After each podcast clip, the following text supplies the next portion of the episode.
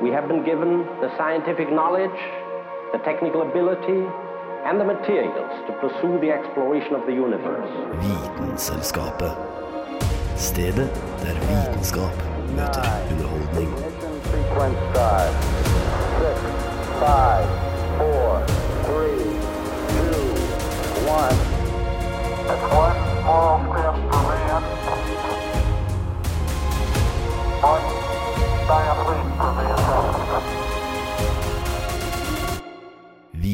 Vitenselskapet.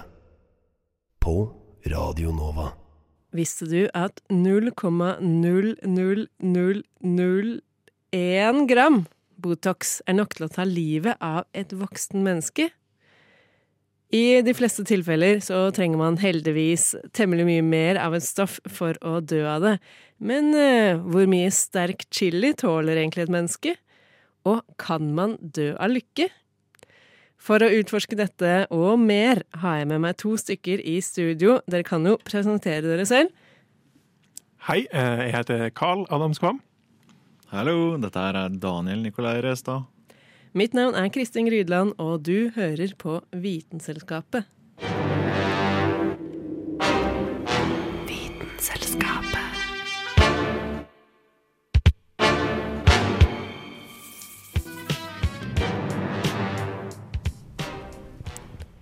I dag snakker vi om hvor mye som er for mye. For det er jo slik at alt kan være giftig, så lenge man får i seg for mye av det.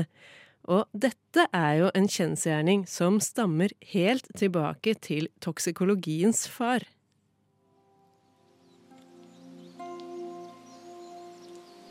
Vi skal tilbake i tid. Det er renessanse i Europa.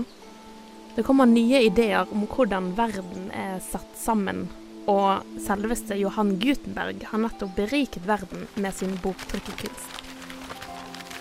Litt seinere, i år 1493, blir en gutt født.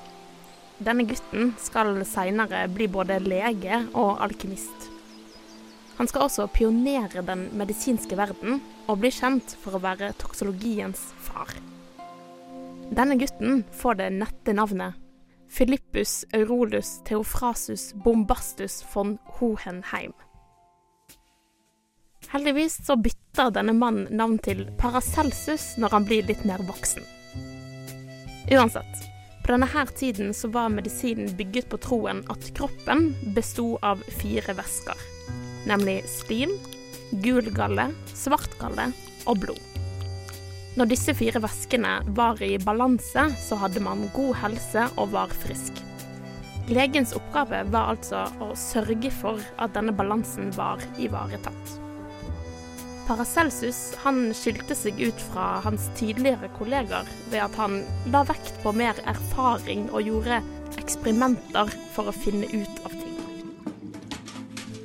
Han mente også at en sykdom kunne kureres med det samme stoffet som forårsaket sykdommen.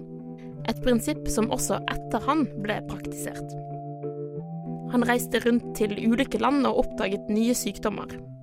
Han fant også ut av at for å kurere disse sykdommene, så kunne han ikke bare bruke tradisjonell plantemedisin, siden denne ikke fungerte. Derfor begynte han og andre leger å gi pasienter mye sterkere og ofte farlige kjemikalier, sånn som kvikksølv og arsenikk. I sitt laboratorium så produserte han også egne medisiner. Gjennom eksperimenter med disse så oppdaget han sammenhengen mellom doseringen av medisinen og virkningen den hadde på pasientene. For å forsvare sin bruk av disse farlige kjemikaliene, så sa han det han kanskje er mest kjent for. Alt er giftig, og ingenting er giftig. Bare dosen avgjør om det er gift. Med dette så ble han den første som beskrev dose-respons-forhold. Dette er et viktig prinsipp som står helt sentralt i toksikologien. Et stoff vil gi ulik respons ved ulike doser. Og dette er jo grunnen til at det er så viktig å ta medisin i riktige doser. Rett dose Paracet gjør jo at hodepinen din forsvinner, men for høy dose kan gjøre deg syk og i verste fall død. Det samme gjelder jo for ting man i utgangspunktet tenker ikke er farlig, sånn som vitaminer. For mye vitamin D kan føre til nyrestein, høyt blodtrykk, tap av hørsel og død. Men som du sikkert også vet, så er jo vitamin D helt avgjørende for at vi skal ha god helse. Det er altså viktig å ha et nyansert bilde om hva som er giftig og ikke. For alt er nemlig gift. Alt kan drepe deg. Det kommer bare an på dosen.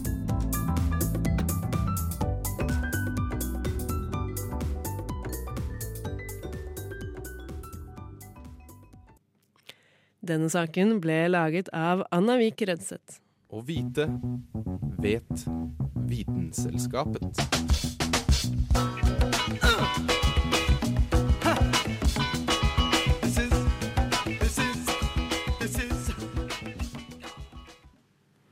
Yes, hei, hei. Man kan jo dø av veldig mye rart. Men har dere noen gang hørt om noen som har dødd av glede? Nei, men jeg har jo hørt om folk som har dødd av sorg, da. Og det er jo omtrent det samme, bare ikke. Ja, jo, du kan jo på en måte si at det er litt sånn andre sida av mynten. Men eh, nå fikk jo jeg i oppgaven å sitte og lese litt om dette her, da. Og da fant jeg noe som heter stressutløst kardiomyopati. Veldig langt, kjedelig navn. Så isteden hva man kalte Takotsubo-syndrom. Det, det var jo ikke noe enklere, det. Nei, Spør du meg, da. Nei, men Det hørtes mye kulere ut. Det gjorde det. Litt sånn eh, japansk type stil. Men eh, sånn, sånn som navnet ikke hadde tilsagt, så har man enda en tittel på det. Som da er hva, jo, broken heart syndrome. Som er at, at folk har dødd av sorg, da, egentlig, rett og slett. Ja, Så for mye sorg. Men det er jo ikke så veldig rart å tenke seg det, fordi sorg er jo en negativ ting, og for mye av en negativ ting, det kan jo drepe deg. Men hva med for mye av en positiv ting, da? Jo, nei, det er det som var ganske gøy, da. For i, um, da så jeg at en eh, studie i 2016 så eh, i Sveits så, så de at de kunne også forårsakes Det er um, den uh, Hva det heter det? Cardiac arrest, eller sånn hjertestansen, kunne også forårsakes av glede. Og da kalte de det en happy heart syndrome isteden. Ja, det høres så koselig ut. Ja. det er det, Man skulle jo egentlig trodd det, men det som egentlig skjer da, er at eh, hjertet bare blåser seg opp på venstresida i venstre blodkammeret, og så får du ikke eh, pumpa blod gjennom kroppen i det hele tatt. Sier han og ler. Nei, men, Så det blir som en hjerteballong, da. Ja, faktisk. Det var, det var flere, flere steder her som tok og beskrev det som en sånn heart balloon. Eh, Vil den da etter hvert sprekke? For det høres veldig skummelt ut. Ja, altså, sånn som det tyda på, var egentlig bare det at eh, blodet slutter å sirkulere. Så da tar egentlig hjertet bare og stopper, for sånn, det er ikke nok blod til å fylle denne ballongen. Så det bare faller over. Er det noen spesielle ting som kan eh, ut eh, Er det noen spesielle ting som kan utløse dette? Ja, det, var faktisk det som var litt sånn uh, artig, ekstra artig med det, syns jeg. At uh, av de få tilfellene man kan se at ok, her er det noen som dør av happy heart syndrom, så var det et par triggere. Det kunne være uh, gode ting. Det er jo gode ting som bryllup. Eh, det å få et barnebarn, eller å vinne i Lotto. Så jeg ser for meg en gang sånn der Ja, hei, det, det ringer fra Hamar. Ja! Det er jo toppen av ironi. Du vinner eh, førstepremien, og så dør du av å vinne førstepremien. Ja, det er akkurat det. Men det er ikke så verst å go out on top. Da er du så glad at eh, det kan ikke bli bedre. Ja, ja det, det, det virker som faktisk den beste måten å gå ut på når du først skal det. Man skulle tro det, men eh, når vi snakker om eh, hvordan det på en måte høres ut, så er det jo da en at hjertet ditt blir til en ballong og slutter å pumpe blod rundt i kroppen din. Eh, høres ikke akkurat ut som du har det så innmari gøy de kanskje minuttene det tar for deg å dø, da. Nei, nei det, når du sier det på den måten, så mister det på en måte litt gnisten av det å vinne i Lotto, da. Så eh, det du egentlig sier, eller det vi kan oppsummere det hele med, er jo at eh, eh, for å unngå å dø av lykke, så burde du eh, for det første ikke gifte deg. For det andre, ikke få barnebarn. Og for det tredje, ikke spille på Lotto, for det kan hende at du vinner. Eh, det høres ut som en veldig, veldig mm, god deal, for eh, jeg har ikke tenkt å gjøre noen av delene. yes.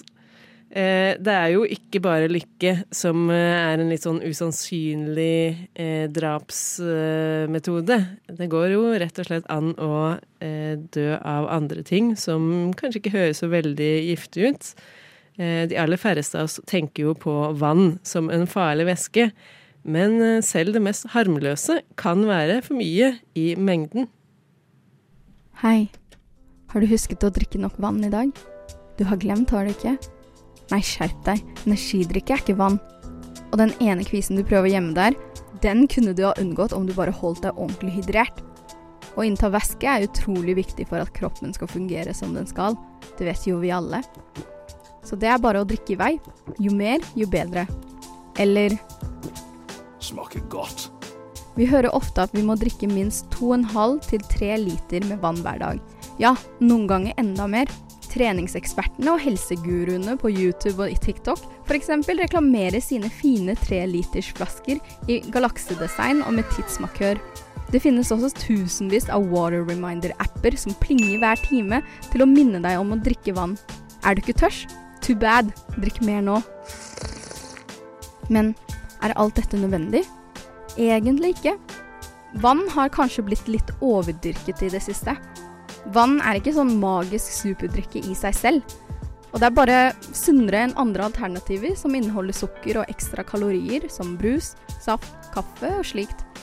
Det er sant at kroppen trenger en viss mengde med væske hver dag, men som det meste i livet så er det ikke en one size fits all-svar på hvor mye man må drikke. Det er annerledes fra person til person. Alder, høyde, vekt, klima, hvor aktiv man er, hvor mye man svetter naturlig, osv. Det er så mange forskjellige faktorer som spiller en rolle. Dessuten er ikke drikking den eneste måten vi får i oss vann. Opptil halvparten av væskeinntagelsen kommer fra en kombinasjon av mat og det kroppen produserer selv gjennom forbrenning av karbohydrat, protein og fett. Den gjenstående mengden av vann som vi trenger, er ikke noe å stresse over heller. Kroppen er nemlig veldig flink til å si ifra gjennom tørste. Drikker du når du er tørst, vil du mest sannsynligvis få i deg nok. Ingen grunn til å ta de ekstra steppene, selv om det er ganske populært disse dager. Så ja, man trenger ikke å føle seg presset til å drikke mer av folk i yogatights og fargerike singletter. Men er det så farlig om man drikker i overskudd, da? Det er ikke som om man kan bli forgiftet som med alkohol, ikke sant? Vel, jeg har dårlige nyheter. I 2012 ble en tenåringsjente erklært død i sykehuset i Danmark etter å ha spilt poker med noen venner. Og nei, det var ikke alkohol, rusmidler eller drøye utfordringer som var årsaken til at hun gikk bort. Hun drakk rett og slett for mye vann. Vannforgiftning er en ekte greie. Det skjer når du over en kort periode av tid inntar deg en stor mengde med vann. Nyrene dine får ikke fjerne overskuddet. Dette fører til at det blir mindre av de nødvendige saltene i kroppen. Og for å balansere saltinnholdene tar cellene til seg vannet og ender opp med å ekspandere. Det igjen fører til at bl.a. hjernen svelger opp.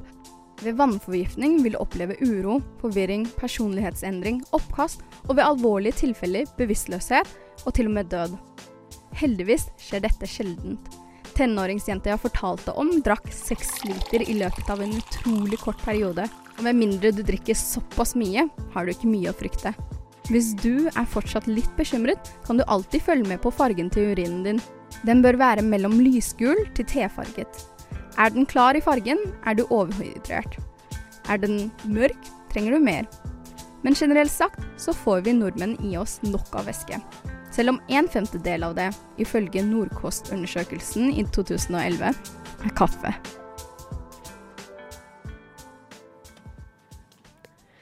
Denne saken ble laget av Kim Millet.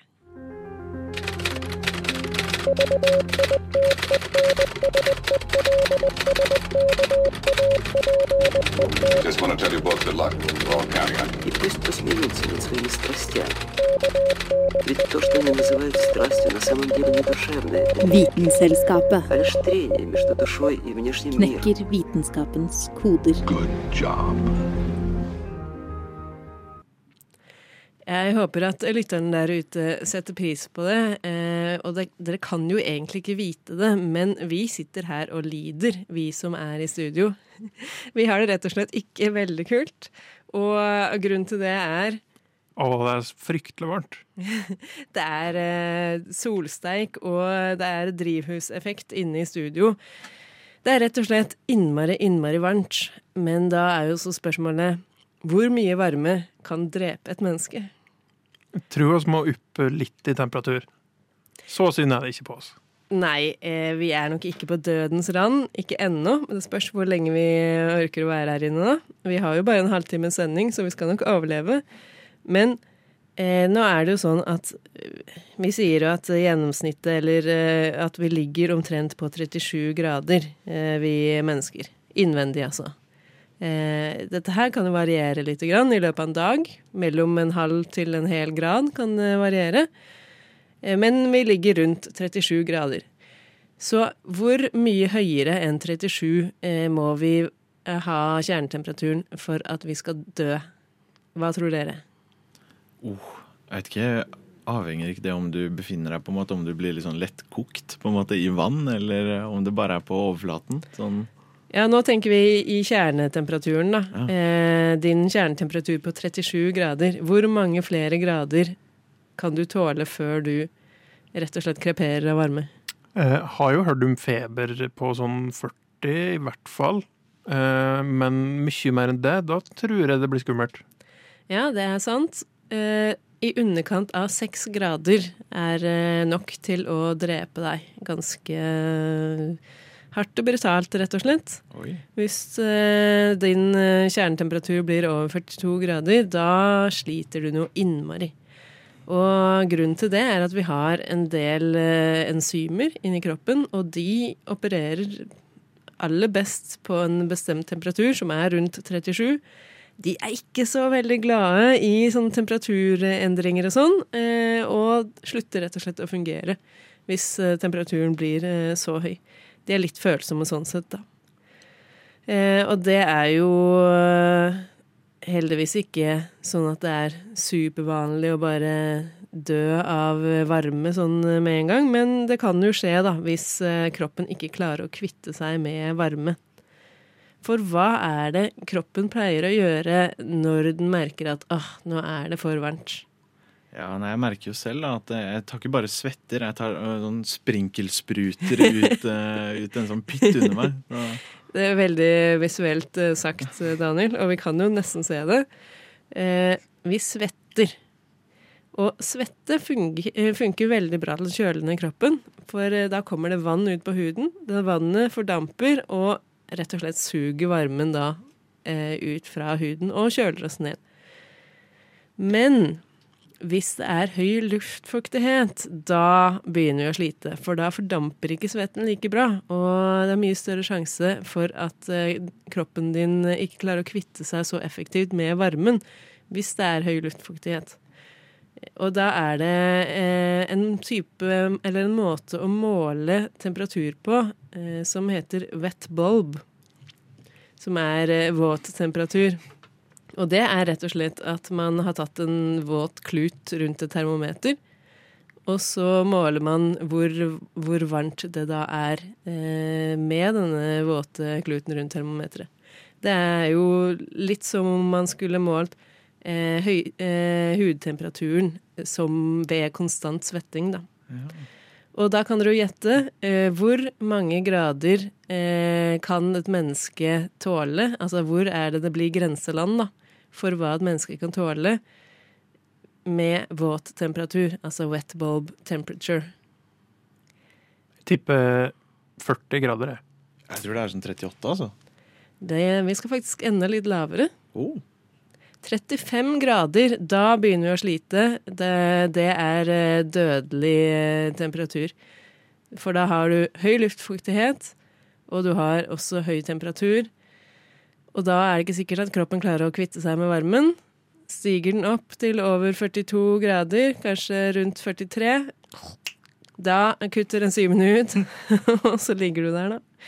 Nei, jeg burde ikke le denne gangen heller, men uh, sånn er det nå. Uh, Jeg tenker at vi går videre til neste tema, jeg, som er litt relatert. For det handler nemlig om ting som er hot. For vi kjenner vel alle noen som, noen som liker litt sånn spicy mat. Og et par-tre av oss har kanskje vært der en gang hvor vi etter en litt for tørst tur ut på byen har blitt litt vel overmodig og gått for den ekstra sterke kebaben. Og angra bittert på det etterpå. Men hvor spicy er egentlig for spicy? Er det mulig å rett og slett dø av sterk mat? Jeg liker litt spice. Ikke for mye, ikke for lite. Men hva er det egentlig som gjør chili så hot? Chili, eller chilipepper, er en frukt i planteslekten capsicum. Og stoffet som gjør forskjellige typer chili til de heite delikatessene vi putter i mat eller i sinnssvake YouTube-challenges, kalles capsaicin. Dette stoffet virker svært irriterende på både hud og slimhinner hos mennesker og andre pattedyr, og binder seg til smertereseptorer som normalt reagerer på varme. Og som ved de fleste andre ting som eksisterer, så kan dette måles. Det gjør vi med Scoville-skalaen. Så antall Scoville er bestemt av konsentrasjonen av rent kapsaisin. Se på det litt som alkoholprosenten på vodkaflaska du slukte forrige helg. Jo høyere prosent, jo høyere konsentrasjon av alkohol, og jo lavere konsentrasjonsevne har du. Hvis vi starter litt nede på Scoville-skalaen, så finnes det som for mange er must i enhver tacofredag, nemlig jalapeñoen. Den er alt fra 2500 til 8000 Scoville-grader. En annen velkjent spicy gjenstand er cayennepepper, som klokker inn mellom 30 og 50 000 Scoville-grader, mens en habanero har småheite 100 til 350 000 Scoville. Men en av de sterkeste chiliene i verden er Carolina Reaper, med sine sinnssvake 1,5 til 2 millioner Scoville. Så for de av dere som syntes jalapeño blir for mye, så er det ikke vits i å tenke på denne engang. Men selv ikke denne kommer i nærheten av rent kapsaisin, som i sine elleville 15-16 millioner Scoville ville skutt deg ut i bane rundt jorda. Men hvor mye er faktisk for mye? Og kan du dø av det? Det enkle svaret er ja. Det er mulig å dø av for mye spice. Men hvor mye som skal til for å dø, avhenger veldig fra person til person. Og kanskje ikke så overraskende, så har ikke forskere testet dette på mennesker. Men de har testet ren kapsaisin på mus og rotter, hvor det for rotter hadde en 50% oral dødelighetsdose på 161,2 mg per kilo for hanner og 148,1 mg per kilo for hunder. Så hvis vi mennesker reagerer omtrent likt, så trengs det ca. 9 gram med rent kapsaisin for en 80 kilo tung person og en 50% sjanse for å dø. Men hva ville skje hvis du spiser noe så latterlig sterkt som f.eks. en Dragon Breath chili med 2,48 millioner Scoville? Annet enn å bli en naturlig flammekaster, så klart. Da vil du mest sannsynlig få et anafylaktisk sjokk, og kan fort ende opp med å dø av kvelning. Så kanskje ikke chilien å velge hvis du skal imponere daten din om hvor sterk mat du tåler. I stedet kan du heller få en liten spicy bonus fact av meg, som du kan bruke på neste date om du går tom for ting å si. Visste du at fugler er immune mot heten til chili? Dette er fordi fugler er med på å spre frøene fra chili ved å spise frukten, og så Så det er kun oss stakkars pattedyr som nærmest kreperer om vi spiser for sterk chili.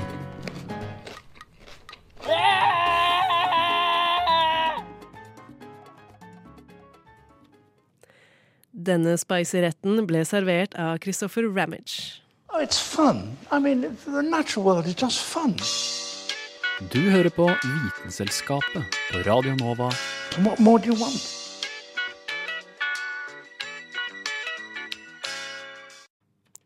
Jeg nevnte at det var litt sånn drivhuseffekt her inne i studio, og det passer vel egentlig ganske bra med det du skal snakke om, Karl. Ja, for eh, hvor mye er for mye av diverse gasser som vi har i atmosfæren? Eh, og nå skal ikke jeg sitte her og fortelle om parts per million og gjøre det veldig urelaterbart. Men eh, oss tenker jo, når vi tenker på global oppvarming, så tenker oss vel på CO2. Ja. Ja. Antar ikke for mye der. Eh, Men hvis vi bruker det som et utgangspunkt, så er det noen gasser som gir veldig mye mer uttelling. Eh, Så neste, man, eh, neste steget opp, som jeg vil nevne, er metangass. Som dere kanskje har hørt at det er et problem. Eh, sånn kupromp. Kupromp. Ja. Og menneskepromp, da, for så vidt. oss diskriminerer ikke. Eh, Så metan, CH4, er 30 ganger sterkere som drivhusgass enn det CO2 er. Så eh, det er ikke like mye kupromp som det er eksos fra biler, men det er et desto større problem. Eh, heldigvis så eh, er det sånn, ikke det største problemet, det er fortsatt CO2. Eh, en annen artig sak som er enda sterkere, 250 ganger sterkere klimagass enn CO2, er lattergass. Oi. Lystgass, liksom sånn gammeldags bedøvelsesmiddel.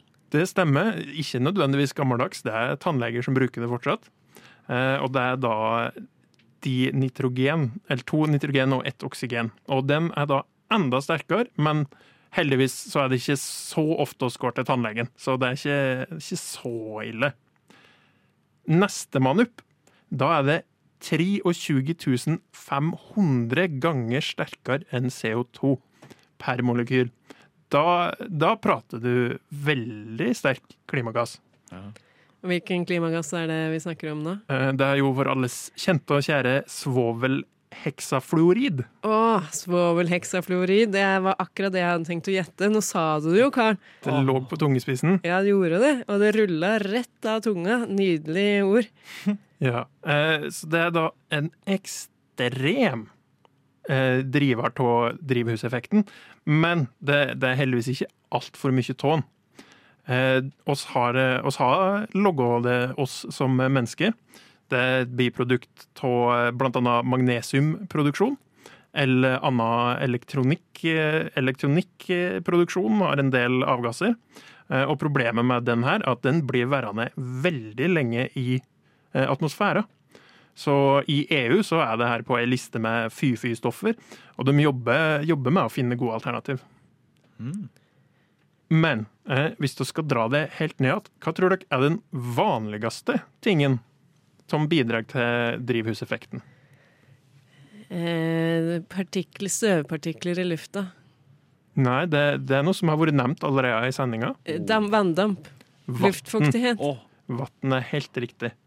Eh, Vann står da for ca. halve drivhuseffekten, som man kjenner i dag.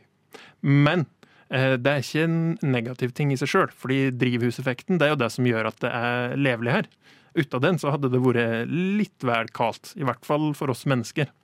Så eh, at vann eh, fanger da varme i atmosfæra, er jo i utgangspunktet en veldig bra ting. Det som er problemet, er at etter hvert som verden blir varmere, så blir det jo òg mer fordampa.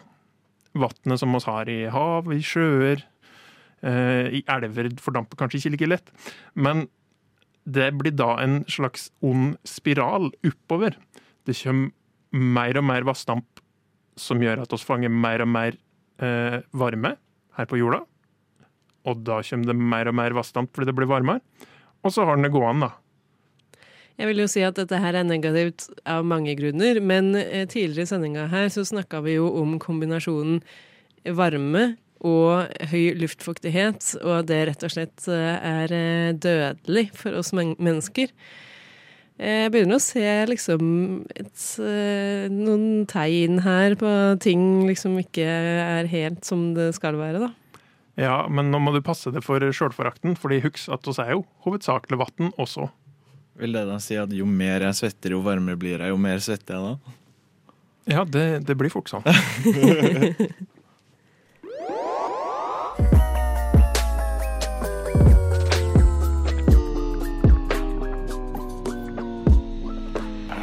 Vitenselskapet.